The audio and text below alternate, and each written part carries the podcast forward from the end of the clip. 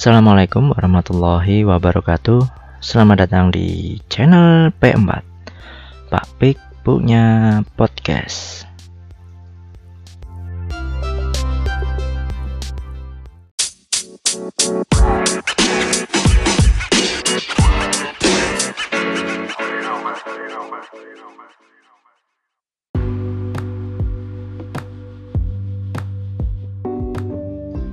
Masih di channel P4 Pak Pik punya podcast. Kali ini Pak Pik akan menyampaikan tema Hidup Rukun di rumah episode 4 Hidup rukun akan membuat suasana menjadi nyaman, tenang, dan bahagia.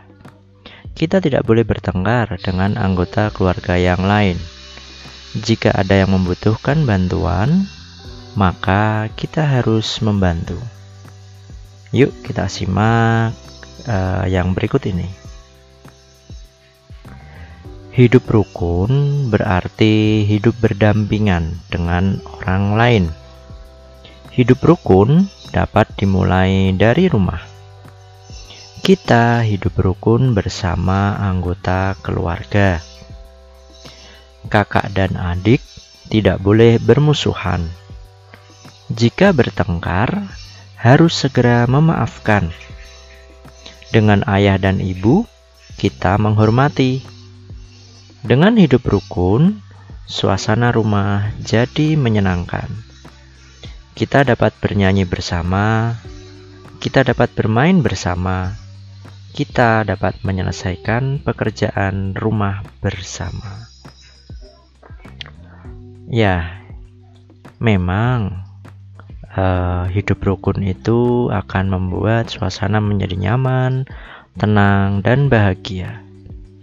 Salah satu contoh sikap hidup rukun ketika berada di rumah yaitu biasanya kita melakukan aktivitas ini, yaitu makan bersama di meja makan. Nah, Makan bersama di meja makan merupakan contoh hidup rukun.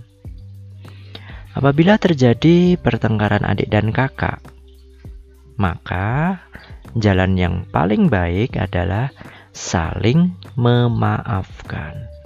Dengan saling memaafkan, akan menyelesaikan pertengkaran adik dan kakak. Sebab, bila pertengkaran terjadi, Bila permusuhan terjadi, bila bermusuhan, maka hidup kita terasa tidak nyaman. Dan salah satu manfaat hidup rukun yang lain adalah manfaat hidup rukun kita dapat belajar bersama. Nah, pendengar, ketika salah satu anggota keluarga melakukan kesalahan, terjadi pertengkaran, ataupun perselisihan, maka sudah sebaiknya, sudah sewajarnya jika anggota keluarga saling meminta maaf dan memaafkan. Contohnya kalimat ungkapan permintaan maaf. Contohnya seperti ini. Maafkan saya telah merusak mainanmu. Contoh yang lain, saya minta maaf karena terlambat.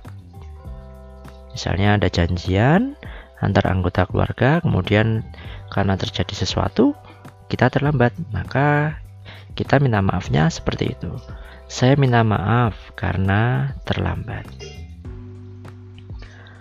Bisa juga yang contoh yang ketiga seperti ini. Mohon maafkan saya telah berbuat gaduh. Nah, mungkin rame lagi ayah ibu lagi istirahat. Uh, kita sedang bermain dengan saudara dengan anggota keluarga kita membuat kegaduhan. Mohon maaf, mohon maafkan saya. Saya telah berbuat gaduh. Atau permohonan maaf yang keempat. Ini misalnya kita meminjam barang tanpa izin. Ya, kita minta maaf.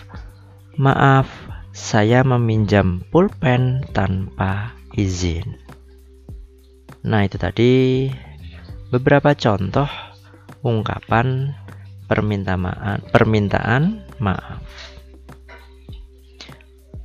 Sikap hidup rukun itu sebenarnya dapat dilihat dalam latihan menyanyi, apalagi latihan menyanyi vokal grup ya, grup band gitu ya.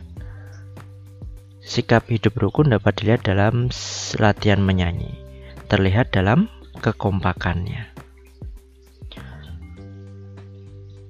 Kita akan mencoba untuk menyanyikan lagu Anak Kuat ciptaannya Ibu Sud.